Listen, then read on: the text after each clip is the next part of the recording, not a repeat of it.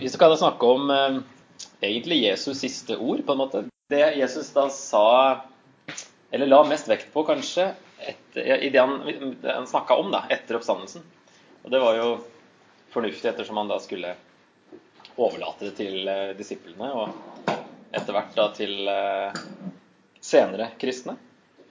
Um, og det, så han, det er mer enn den kjente misjonsbefalingen i Matteus. Det er derfor vi har det i flertall her, for det er Eh, han snakka om det tydeligvis flere ganger, og de har tatt med litt forskjellig i de forskjellige evangeliene. Så vi skal se på alle de misjonsbefalingene. Og Det er jo et relevant tema, da, hvis det er det siste Jesus eh, Det han ville liksom eh, Hans avskjedsord, så er det jo viktig. Og det gjelder alle, og det er et sentralt tema som vi egentlig kan spore helt ifra begynnelsen av Bibelen. Det er ikke sånn at det blir at det er liksom veldig sånn introvert i Gammeltestamentet, og så plutselig så skal det ut til alle. Eh, det er selvfølgelig en stor overgang, men det har, det har vært noen spor hele veien da, i, i, GT også, så jeg tenkte vi skulle begynne eh, der, da, sånn veldig kjapt, å se i Gammeltestamentet. Eh, I Mosebøkene så er det jo Altså, i begynnelsen så er det veldig lyst her. Det bare vil myse hvis dere må. Um, I de første elleve kapitlene så er det veldig fokus på, eller universelt fokus på alle, um, alle, mennesker, eller, ja, alle mennesker. Og så når det kommer til kapittel 12 og Abraham, så snevres det inn uh, og blir veldig fokus på Abraham før det da går ut igjen. Um, og allerede i det, det Gud sier til Abraham, så er det jo noe som peker veldig framover og utover. Da, det med at i deg skal alle slekter på jorden velsignes. Og det her er jo eh, evangeliet det er snakk om i, som en ytterste velsignelse, da, som Paulus så tolker det som i Galaterbrevet. Han sier at den velsignelsen, det var Kristus. Så det løftet Abraham får, er at gjennom han så skal det da komme en velsignelse som går ut til eh, alle slekter på jorden. Så det er jo da Gud velger ut Israel Um, og han understreker det gang på gang i Moseloven at det er ikke pga. at de var noe spesielt, eller at det var noe, uh, noe i deres fortjeneste. Uh, men det var bare nåde. Uh, og at han har en plan med det, selvfølgelig. Og det er jo det at det skulle da komme en frelse til alle gjennom Israel. Så det er en sånn todelt sier da andre Mosebok her. Dere skal være min dyrebare eiendom framfor alle folk. Og grunnen til det for hele jorden er min. At dere skal være et kongerike av prester og et hellig folk for meg. Altså, De skal være et, eh, et spesielt folk, men samtidig så er hele jorden eh, er, altså Gud eier hele jorden. Alle folkeslag sånn sett er, er jo skapt av Gud. Um, og dette med prester er jo eh, I Mosloven så var en prest en mellommann mellom folket og Gud. Sånn at han sier at hele, hele Israel skal være i en sånn mellommannposisjon eh, mellom verden da, og, og, Gud. Så det er hele tida denne utover eh, litt større horisont da, enn at han velger ut israelsfolket, og at, de, eh, at det er bare de det handler om. Og det var jo alltid mulig, også i gamle pakt, å eh, bli en del av folket. Det står at når en innflytter vil bære frem et gaveoffer, da skal han gjøre det slik dere gjør det. I forsamlingen skal en og samme ordning gjelde både for dere og for innflytterne. Dere og innflytterne skal stå likt for Herren. Så det var, eh, det var ikke stengt. Det var ikke så veldig misjonerende, men det var ikke stengt for andre. Så man kunne komme og bli en del av Guds folk hele veien. De skulle trekke folk til seg ved å være annerledes og ved å reflektere Gud. Eh, så folkeslagene, de, er, altså de andre folkeslagene de fremstilles stort sett negativt. Eh, de er liksom fiendene rundt, som Israel er utvalgt fra, og som de skulle være annerledes enn, og som hele tida lokker Israel til frafall. Um, og at de da hele tida Israelsfolket over hele tida blander religionen. ikke sant? De har Javé, og så har de plutselig noen andre guder òg i samme slengen. og de, Veldig sånn veldig lett påvirkelig, selv om det er det Gud understreker veldig med loven, var at de skulle være annerledes. eh, dette med urent og rent og sånne ting. Det var for å ha et sånt eh, eh, sånn tankegang om at de, var, de, skulle være rene og holde seg unna det som var urent. ja, det er jo et stort, helt annet tema. profetene, så skal vi se litt noen vers derfra. Amot, f.eks. Eh, I de første to kapitlene der så dømmer Gud både folkeslagene og Israel. Han har liksom et domsord til alle folkeslagene rundt Israel. Eh, så han liksom snevrer da inn før han tar for seg eh, det som er feil, eller det som er synd, da, i, i Israel, i Nordriket den gangen. Og han sier da bare dere ville jeg kjennes ved blant alle jordens slekter. Derfor vil jeg straffe dere for alle syndene deres. Så de hadde på en måte større ansvar fordi de var utvalgt og de visste mer om Gud. De hadde loven. Men samtidig, veldig interessant vers litt lenger ut. Det snakker om at de, jeg førte Israel opp fra Egypt, men også filisterne fra Kaftor og arameerne fra Kir. At han har, han har, gjort ting som vi ikke vet, utenom, utafor Bibelen. At han har, han har fått eh, altså fridd Israel ut fra Egypt, men han også drevet og ført filisterne fra Kaftor, der de kom fra, og arameerne, syrerne, fra Kir.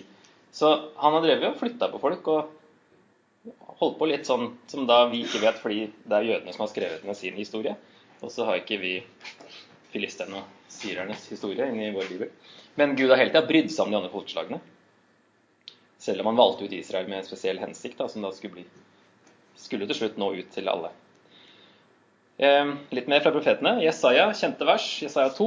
I de siste dager skal det skje at Herrens tempelberg skal stå urokkelig som det høyeste av fjellene og rage over høydene. Dit skal alle folkeslag strømme. Mange folk skal dra av sted og si, Kom, la oss gå opp til Herrens fjell, til Jakobs Guds hus, så han kan lære oss sine veier, og vi kan ferdes på hans stier. For lov skal gå ut fra Sion, Herrens ord fra Jerusalem. Her, altså, når det står 'mange folk' og der står det jo folkeslag. Det er jo samme ordet for hedninger som brukes da. Så det er, du har alltid liksom Guds folk, og så har du alle folkeslagene, som er alle andre. Og her står det da at eh, i de siste dager så skal alle folkeslag strømme til Gud. Guds eh, fjell her, da. Eh, så han kan lære oss sine veier, vi kan ferdes på hans stier. For lov skal gå ut fra Sion, altså fra Jerusalem. Peker fram mot at det skulle komme fra alle folkeslag til Gud. Eh, også fra Jesaja Jeg gjør deg til lys for, for, folkeslag, så min frelse kan nå ut til jordens ende. Det er hele tida det som er poenget med at han velger ut Israel, er at det skal nå ut til jordens ende. Jonah er jo et godt eksempel på at han brydde seg om eh, asyrerne. Eh, Ninive var hovedstaden i Asyria. Det var før Asyria ble veldig, altså det mest brutale liksom, eh, folkeslaget. Da, det er, det er litt, litt, før de liksom tar av som verdensmakt. da. Men det var fortsatt ikke noen sånn veldig koselige folk som Jonah ble sendt til. Derfor han ikke hadde så lyst til å dra dit. Um, men Gud bryr seg om dem også. Og det er jo det Jonah sier til slutt. Liksom, jeg visste at du bryr deg om alle. liksom, at Jeg visste du kom til å angre det onde du hadde sagt. Det var ikke noe vits å dra hit. Liksom. Så um, det er jo et sånn typisk eksempel da, som uh, der faktisk det er litt misjon ut, utover. Og så er det eh, fra Daniel 7, der Jesus eh, henter dette menneskesønn-uttrykket fra. Eh, når Daniel ser en som var lik en menneskesønn, som fikk herskermakt, ære og rike, så alle folk og nasjoner og tungemål skal tjene ham. Her peker det fram mot alle skal tjene denne menneskesønnen. Så eh, er det jo eksil i Babylon i eh, noen eh, i 70 år ca. Og så er det et par-tre profeter etter eksilet, der de fortsatt snakker om at folkeslagene skal komme. De, må bygge opp igjen tempelet, er det de Haggai og Zakaria eh, snakker om. At de, de kommer tilbake, og de begynner å bygge opp tempelet, og så lager de bare grunnmuren, og så kommer det noen av de eh, folka som nå bor i området der, de prøver å hindre dem, og så blir det en stopp på bygginga da. Og Derfor kommer Haggai og Zakaria med et budskap om at dere må fortsette å bygge, fordi da kan Messias komme. Og så er det noen sånne vers som peker fram, da, der eh, i Haggai når det står 'Jeg rister alle folkeslag, så skattene deres kommer hit'. 'Jeg fyller dette huset med herlighet', altså tempelet, sier Herren over herskarene. Og enda tydeligere i Zakaria 8. Mange folk og mektige folkeslag skal komme og søke Herren over hærskarene i Jerusalem. I de dager skal ti mann av alle språk og folkeslag gripe fatt i kappefliken til én judeisk mann og si La oss få gå med dere, for vi har hørt at Gud er med dere. Så det hele veien det peker fram at hedningene skal bli en del av Guds folk, de også. Eh, så nå har jeg lagt vekt på de der litt sånn positive versene, da, der du ser at det er For inntrykket er kanskje at det ikke er så mye snakk om sånt. Eh, så det er jo mange andre vers som på en måte heller i andre retningen, der folkeslagene er fiendene som de må holde seg unna. Samtidig som det da peker fram mot eh, frelsen som skal gå ut til alle. Så eh, det var bare sånn veldig rask intro fra GT. Det er jo ikke først og fremst det vi skal se på. Men en oppsummering så kan vi si at det er en, en spenning hele veien mellom det at Israel er Guds folk, og at Gud er alle folkeslags Gud. Det går litt mellom de to. Um, folkeslagene er fiender og undertrykkende, men de skal likevel få del i frelsen gjennom Israel. Blir spesielt interessant i Lukas når vi kommer dit, eh, med hvordan dette her leder fram til misjonsbefalingen i Lukas. Da. Nå eh, skal vi faktisk begynne med misjonsbefalingen i Johannes. Eh, jeg har jobba litt med å prøve å sette det i kronologisk rekkefølge. Så som det virker som, så er Johannes den første. Fordi det er jo ikke det at de har den samme misjonsbefalingen og sier det på forskjellig måte, men det er egentlig tre forskjellige hendelser som Johannes ja, Spesielt Johannes og Matteus og Lukas har med. Altså Markus er litt sånn særtilfelle som vi skal se på til slutt. Men eh, Johannes, Johannes 20, så står det at det var om kvelden samme dag. Altså det er samme dag som Jesus har stått opp igjen. Så det er jo liksom med en gang etterpå den første dagen i uken. Av frykt for jødene hadde disiplene stengt dørene der de var, der de var samlet. Da kom Jesus. Han sto midt iblant dem og sa, 'Fred være med dere.' Og da han hadde sagt det, viste han dem sine hender og sin side. Disiplene ble glade da de så Herren. Igjen sa Jesus til dem, 'Fred være med dere. Som Far har sendt meg, sender jeg dere.' Så åndet han på dem og sa, 'Ta imot Den hellige ånd.' Dersom dere tilgir noen syndene deres, da er de tilgitt. Dersom dere fastholder syndene for noen, er de fastholdt. Ok, eh, litt sånn Se litt nærmere på teksten her, så sa jeg jo allerede at det er eh, om kvelden samme dag, første dag i uken. Det er da når skjedde dette. Hvem er til stede? Først, da. Hvor er de? Hvis dette er samme dag som Jesus har stått opp igjen. I Jerusalem. Og det er disiplene, som da det står her. Da er spørsmålet hvem er disiplene? Um, Lukas har jo et veldig skille mellom apostlene og resten av disiplene. Men det samme skillet har ikke Johannes. Men um, denne her hendelsen gjengis også i, i, Lukas 24. Og der står det det var de eh, elleve, eh, altså de elleve apostlene minus Judas, vennene deres og de to som hadde vært på vei til Emmaus, og som kom tilbake og fortalte. Så det var tydeligvis flere enn bare de elleve. Eh, så disiplene her virker som at det er litt flere, da. En større gruppe av de kristne. Som er mest naturlig at de holdt sammen alle, enn at apostlene kanskje holdt seg litt for seg sjøl. Så det virker som at det er flere da, her.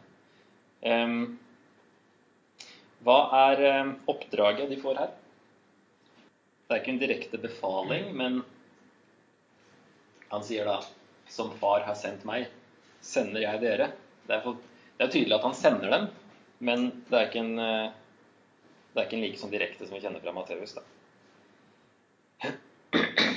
og her er, det er så generelt i Johannes, så her må vi faktisk gå litt tilbake for å skjønne hva som kanskje ligger i dette her. Tilbake i Johannes evangeliet tidligere.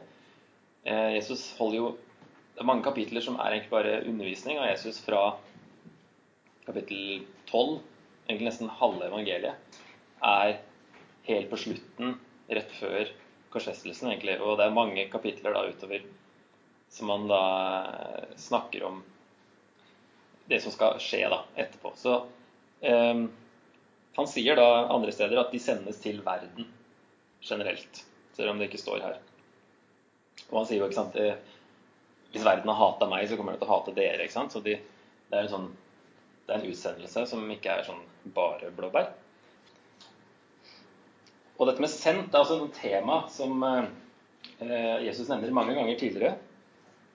Eh, raske eksempler her. Jesus sier at han er sendt Eller at Faderen har sendt Jesus da, for at han skal gjøre hans vilje. Han skal tale hans ord, gjøre hans gjerninger og komme med frelse. Da, de kjente versene i 3, 16 og 17. Um, så dette, det er et tema du kan spore gjennom hele evangeliet, det med hvorfor Jesus var sendt. Og han sier jo 'som Far har sendt meg, sender jeg dere'. Så det er en videreføring av det Jesus kom for å gjøre, som disiplene skulle gå videre med. Hva er den eneste eh, befalingen dere egentlig får her, sånn grammatisk? Ta imot Den hellige ånd, ja. Det er egentlig det som er befalingen her. Det er jo litt rart han sier det her da, dagen etter oppstandelsen, for det er jo, pinsedag er jo eh, ganske langt unna ennå. Um, det er det, det løftet som sant, du har i de andre misjonsbefalingene også. De får et oppdrag, og så får de et løfte. Vi kjenner det som 'jeg er med dere' ikke sant? alle dager rundt verdens ende. Og her er det 'ta imot Den hellige ånd'. Um, det virker som det De fleste er nok enige i at det her er noe som peker fram mot pinsedag. da.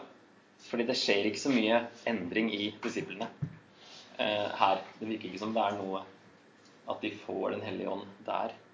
Men eh, eh, Og det her er jo skrevet etter pinsedag, så det er jo ikke noe sånn Han vil ikke begynne å Altså, alle visste jo når pinsedag hadde skjedd, og alt det store som skjedde da, og den store forandringen som skjedde i disiplene. Så det virker som Jeg tror folk ikke ville ha mistolka det her da. liksom. Johannes så skriver jo det her etterpå. Eh, så alle visste jo om den hendelsen. Så det virker som Det er litt rart om man leser det sånn svart på hvitt, men eh, det virker som det er da et frampek, som det heter. Ut fra hva han har sagt tidligere om For å sende talsmannen så måtte han eh, dra, og så sier han noe senere eh, Ja, for så vidt det er jo Lukas, da, som sier at dere skal vente i byen og så eh, få kraft fra det høye. og sånt. Jeg har tenkt at det, er mulig, eh, fullt mulig at de fikk Den hellige ånd her. Eh, det står jo i Apostelens gjerninger at de ble kontinuerlig fylt av Den hellige ånd, står det. Igjen og igjen. At det var noe de Det var ikke noe det skjedde én gang, og så var de ferdig med det. Så det kan hende at de, det starta her, men så kom det en skikkelig dose på pinse. Hovedargumentet mot da, det er jo det som sa at han måtte dra for at de skulle få Den hellige. Og det står i samme evangelium. Eh, men det er vanskelig. Det er selvfølgelig mange meninger når det er sånn kryptisk. Så noen mener det da peker fram mot pinsedag. Andre mener at det kanskje skjedde noe der og da som ikke hadde noen effekt eh, synlig. Men de ble ikke så frimodige heller, liksom. Så... Men det er i hvert fall ikke noe sånn Poenget mitt er at det er ikke noe motsetning egentlig mellom at det står Det er bare litt rart, på en måte. Eh, at Johannes sier at det skjedde. det. Johannes visste jo at pinsedag ikke skjedde da. ikke sant? Det er ikke det han snakker om. Så det må være noe annet. Ja, Dette med synder og tilgitt ja, Der har vi markert den har vi snakka om nå. Og siste her eh, Dersom dere tilgir noen syndene deres, da er de tilgitt. Dersom dere fastholder syndene for noen, er de fastholdt. Og i Johannes så eh, er det eneste stedet det snakkes om faktisk tilgivelse for syndene. Eh, det snakkes mer om at de ikke skal bli tilgitt hvis man ikke tror. Eh, og det motsatte vil jo da være at altså hvis man, det Johannes da legger vekt på i tidligere evangeliet, er at hvis du ikke tror, så får du ikke sinnene tilgitt. Så da vil det motsatte å være sant. Ikke sant? Tror du, så får du dem tilgitt. Og det er ikke her at, eh, at de eh, disiplene skulle At det var helt opp til dem hvem som skulle bli tilgitt og ikke. Men det henger jo sammen med tro, selvfølgelig, og at de kanskje bare skulle annonsere at man får syndene tilgitt ved å tro. Det er iallfall sånn eh, vi må lese resten av Johannes-evangeliet for å kanskje skjønne litt hva som ligger i det her òg. Johannes er jo litt sånn vanskelig av og til. da. At han sier det på en, en helt annen måte. Um, så det Ja. Det er nok egentlig bare det samme som, uh, det å forkynne evangeliene, å forkynne omvendelse og tilgivelse for syndene, og at det skjer med, med tro. Så er det spørsmålet da uh, hvorfor gjelder dette også oss? Hvis han sa det til disiplene da. Kirka har jo hele tida forstått det som at det her gjelder også etter de som hørte det den gangen. Jeg tror i, akkurat i Johannes da det er litt vanskelig, for vi må liksom gå litt tilbake osv. Men han lager en slags forbindelse mellom eh, Faderen, seg sjøl, disiplene. Her i, som far har sett meg, sender jeg dere. Også i kapittel 17 så ber han jo også for de som kommer til tro gjennom disiplene senere. Så han lager på en måte en, en, et, enda et ledd etter det, da. Der han eh, eh Skal vi se Dem som gjennom deres ord, altså disiplenes ord, kommer til tro på meg. Eh, og det vil jo da òg være det de skrev ned. Det er jo det vi har kommet til tro på, kanskje. Det som vi har i Bibelen, er jo skrevet ned av de apostlene, eller disiplene. Det er ikke alle som var apostler, av de som skrev i Nytestamentet. Um, så da, Derfor tror jeg at det, jeg sender dere, at det også går et ledd videre, da, som han i hvert fall har vært inne på noen kapitler tidligere. Alle som kommer til å tro gjennom dem også, er jo sendt, som, på samme måte som Jesus ble sendt. Det er det som er selve befalingen, egentlig. At jeg sender dere. Det høres veldig generelt ut, men jeg sender dere da til verden for å gjøre disipler, egentlig. Ganske sånn vi er klar over. Så kan vi jo gå til Matteus, som er den kjente. Ta med noen vers før de eh, selve befalingen. Men de elleve disiplene dro til Galilea, til fjellet der Jesus hadde sagt han ville møte dem. Og da de fikk se ham, falt de ned og tilba ham, men noen tvilte. Da trådte Jesus fram og talte til dem. Meg er gitt all makt i himmel og på jord. Gå derfor ut og gjør alle folkeslag til disipler, idet dere døper dem til Faderens og Sønnens og Den hellige ånds navn, og lærer dem å holde alt det jeg har befalt dere. Og se, jeg er med dere alle dager inntil verdens ende. Ok, hvem er til stede? De elleve disiplene er i hvert fall der. Um, hvor er de? Nå er de i Galilea. Uh, og de var jo i Jerusalem i stad. Så det har uh, bibel, så er det jo kart baki, som regel. Hvis ikke dere er kjent med geografien. Så er jo Galilea er jo uh, området i nord. Oppe ved rundt uh, Genesaretsjøen. Jeg kunne hatt opp et kart der. Jerusalem er her nede i sør, og Galilea er oppe i nord. Så det er, ganske, det er jo hele landet, egentlig, eh, som de nå plutselig er oppe i nord.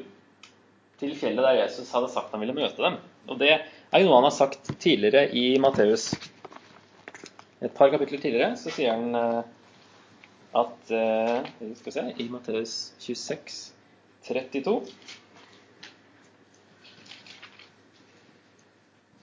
Men etter at jeg er stått opp, skal jeg gå i forveien for dere til Galilea. Og så sier også disse englene som sitter i graven Han er ikke her. Eh, han har stått opp slik som han sa. Kom og se stedet hvor han lå. Skynd dere av sted og si til disiplene hans, han er stått opp fra de døde, og han går i forveien for dere til Galilea. Det er vers 7. Der skal dere få se ham. Nå har jeg sagt dere det. Så drar de til Galilea så får du liksom inntrykk av at uh, det er første gang de ser Jesus der oppe i Galilea, når du leser Matteus. Det er litt sånn typisk sånn. Uh, man kan ikke Det er mye som blir utelatt da, når de skriver. For de velger ut sitt stoff. Um, Matteus, og Lukas, og Markus og Johannes velger ut at Det er så mye stoff. Johannes sier jo til slutt at alle, hele verdens bøker ville jo ikke rommet alt det Jesus sa og gjorde. Så de må jo plukke ut litt. Og så har de en struktur som de Eller et fokus da, som de holder seg til. Um, og ja um, Her Altså, i Matteus så er Jerusalem er liksom et sånn negativt lys, egentlig.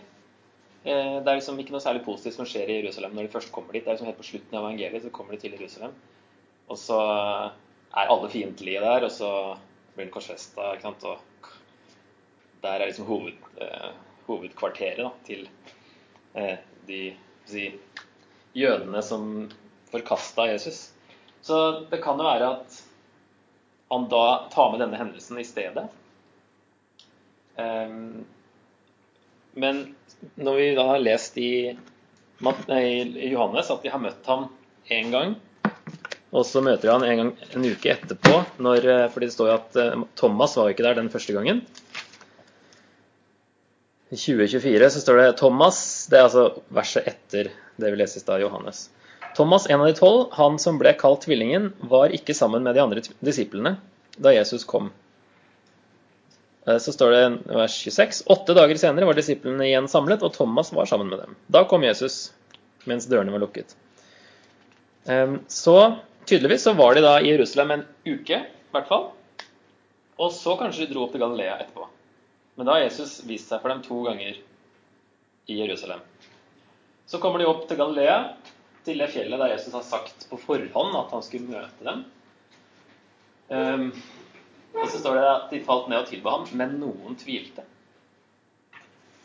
Og hvis det var de elleve disiplene der, um, og så tviler noen av dem når det er tredje gang de ser Jesus, hvorfor skulle de plutselig tvile?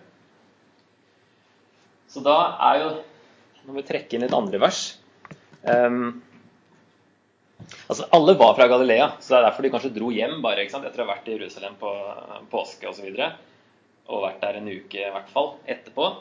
Så var det kanskje OK, hva skal vi gjøre her? Nå får vi dra hjem igjen, da. Johannes har jo med at eh, Jesus møter dem på stranda. ikke sant? Det er jo oppe i nord igjen på, eh, ved sjøen der. Så det er ikke, det er ikke bare Matteus som har med det at de drar til Galilea. Um, så kommer de opp der. Um, ja, og så er det dette med hvem er disse noen som tvilte? I 1. Korinter 15 så sier um, Jesus, uh, Jesus uh, Paulus, som har skrevet det, han snakker om at Jesus da har vist seg altså Han sto opp den tredje dagen i 1. Korinter 15, 4 og utover.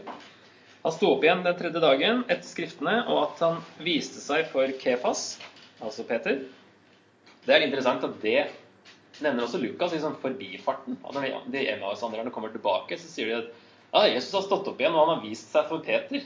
Og så er, har ingen av dem med den hendelsen, at Jesus viser seg for Peter. De bare nevner det, liksom, at det skjedde. Så det var liksom et privat møte som ikke er skrevet ned. Men ja, han viste seg for Kefas først, deretter for de tolv, som egentlig var elleve unntatt utenom eh, Judas og Thomas, for så vidt. Men likevel så var det liksom de tolv. Det var den gruppa der, da. Selv om det kanskje ikke konkret var tolv da. Deretter viste han seg for mer enn 500 søsken på en gang. Av dem lever de fleste ennå, men noen er sovnet inn. Deretter viste han seg for Jakob, deretter for alle apostlene. Altså det er flere apostler òg enn de tolv som allerede er nevnt. Det betyr jo en som er sendt, bare. Ehm, men dette med de 500, da, det er ifølge Paulus det neste som skjer. Den neste hendelsen som skjer. Så der passer det veldig bra at dette er den, det er den som skjer utendørs. Og den er varsla på forhånd, sånn at mange kunne vite om det. Så her var det kanskje faktisk mer enn 500 til stede. Selv om Matteus ikke nevner det. Og da er det ikke rart at noen av dem tvilte. Hvis det var ganske mange. Og noen, de fleste av dem hadde ikke sett Jesus før. Og han ser jo ikke helt ut som han gjorde før han sto opp igjen. ikke sant? Så det er jo litt sånn Er dette Jesus, eller Jeg vet ikke hva det ligger i, hvordan de tvilte, men noen mener at ordet betyr å nøle. Altså sånn, Hvordan skal vi forholde oss til Jesus nå? Han er jo liksom blitt sånn forherliget. Men eh, de fleste oversettelser har tvilte, da, sånn at de kanskje ikke trodde at det var Jesus. Søren Paulus sier at eh, han bruker det som argument at du kan gå og spørre De fleste av de er fortsatt i live, så de fleste vil i hvert fall ha trodd at det var Jesus. da. 15,4. Første Korint 15,4. Mm, og utover. Så det virker jo sannsynlig at eh, fordi nå har det jo først vært inni, innenfor låste dører et par ganger. Og så er det jo på stranda senere. Det, er jo bare, det virker ikke som det er 500 stykker til stede der heller. Det er liksom bare de ute i båten og Jesus på land. Og så er det tilbake i Jerusalem etterpå igjen, som vi kommer til. Så det her, mest sannsynlig da, så er det faktisk veldig mange flere til stede. Sånn typisk ting som blir utelatt. som vi ikke det er liksom, Man må være litt sånn forsiktig av og til med å tolke sånn bombastisk.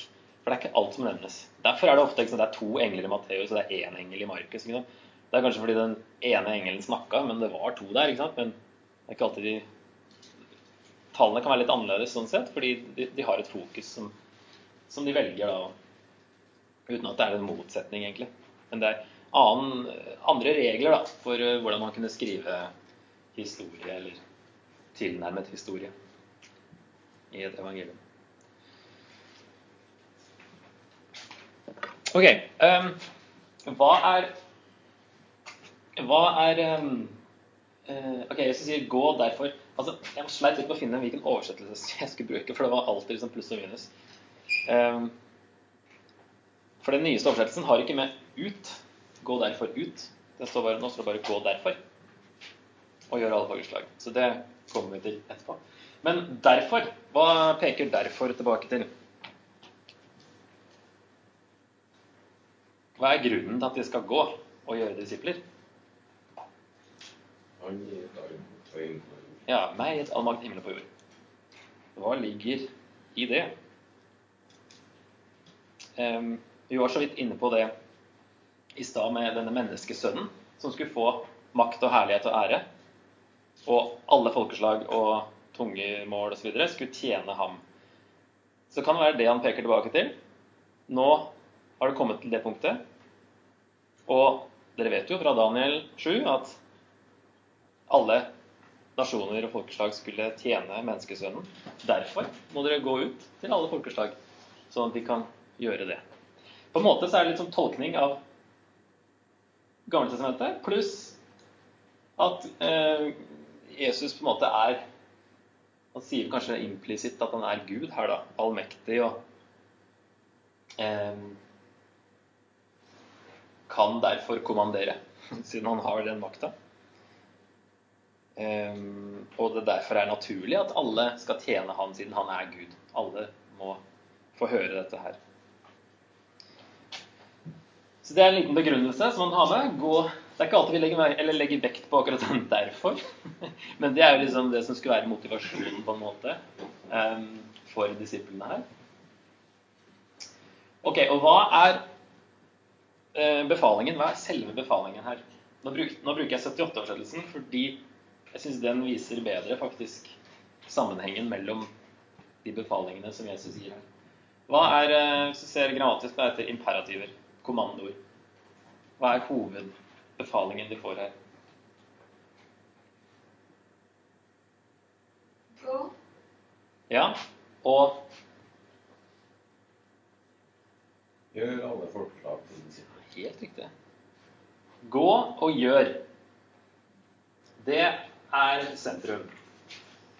Um, og det som det følger etter på en måte sånn unn, eller ja, naturlig følge, er uh, døper dem og lærer alt jeg har befalt dere. Men hovedbefalingen er gå og gjør. Um, dette med gå er interessant. Fordi for det første, som sagt, nå er jo ikke 'ut' med i den nye. Det står egentlig ikke 'ut' heller på gresk. Og ellers, det står heller ikke 'gå' på en like sterk måte som i de fleste oversettelser. Men det er altså Matteus, du finner det uttrykket mange andre steder. Gå og Og så står det et annet verb. Gå og gjør, gå og uh, Han sier vel Et interessant eksempel er uh, Det er vel litt før her, i vers 7.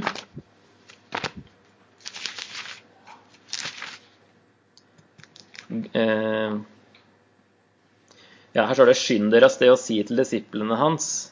Men der står det vel egentlig 'gå og si'.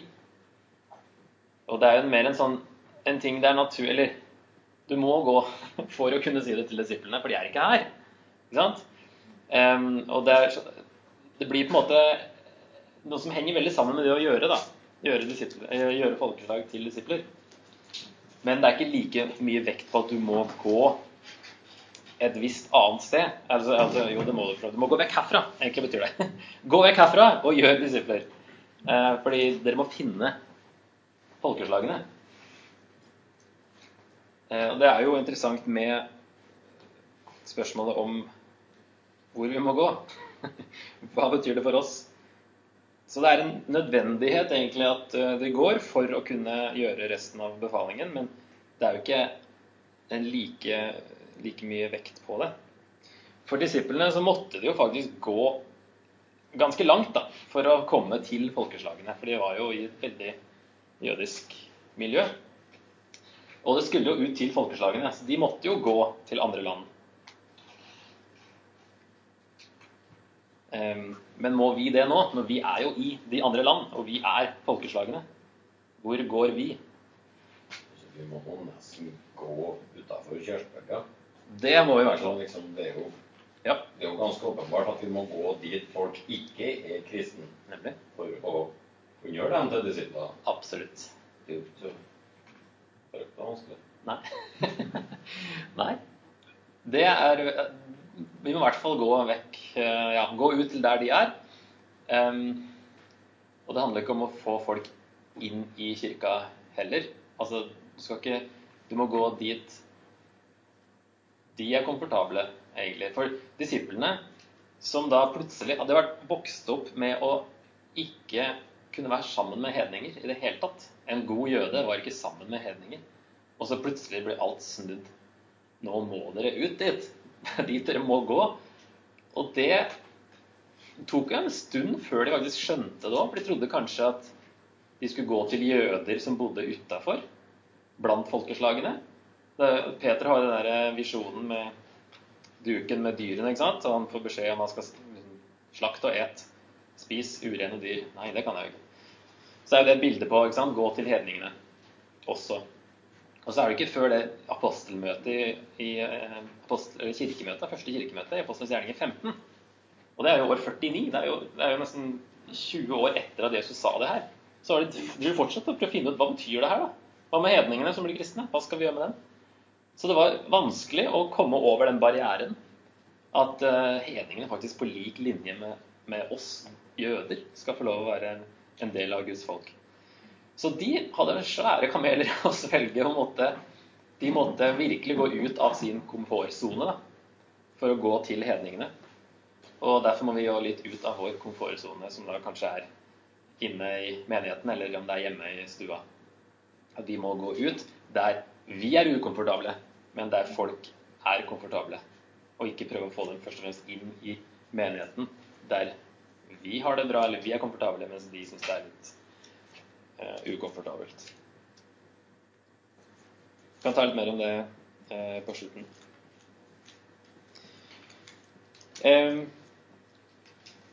Og løftet her er jo 'Jeg er med dere alle dager inn til verdens ende'. Hva har dere forstått verdens ende som? Er det geografisk, eller er det en tidsangivelse? Ja? Begge deler. Begge deler? Hva med andre? Hva har vært liksom, eller Kanskje ikke har tenkt så nøye på det, men hva tenker dere nå? Tid. Tid? Geografi er jo gitt mest i alle folkeslag. Mhm. sånn geografisk utover hele verden. Ja. Hvis det, hvis det er tid, så utfører jo det andre forutsetninger. Mhm. Sant? Det utfører hverandre hvis det er tid her, ja. Den eh, Bibelen Guds ord, sånn som har den oversettelsen, så eh, står det 'til denne tidsalderens ende'. Det er hakket mer bokstavelig, da. Og da hjelper det oss til å skjønne hvorfor dette gjelder oss. Fordi disiplene er jo døde for lengst. Hvis Jesus er med dere, jeg er med dere, alle dager inntil denne tidsalderen er slutt, vil si inntil jeg kommer igjen, så vil det gjelde mange flere enn bare de som hørte det da. De 500 og minst 511. Litt mer. Um, så Det syns jeg er et godt argument på at det her også gjelder oss. Pluss at det var sagt til mange, da, mange flere enn de apostlene som vi kanskje først tror var der. Eh, og så er det litt sånn der sirkelargument, på en måte. At han sier at de skal lære dem å holde alt det jeg har befalt dere. Og en del av det er jo også det han har sagt rett før. gå og gjør alle folkeslag til disipler. Det er også en del av det han har befalt.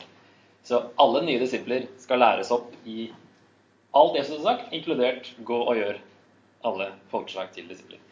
Kanskje vi tar en pause, ser jeg nå. Det passer bra. Da har vi tatt to av dem, så tar vi to etterpå.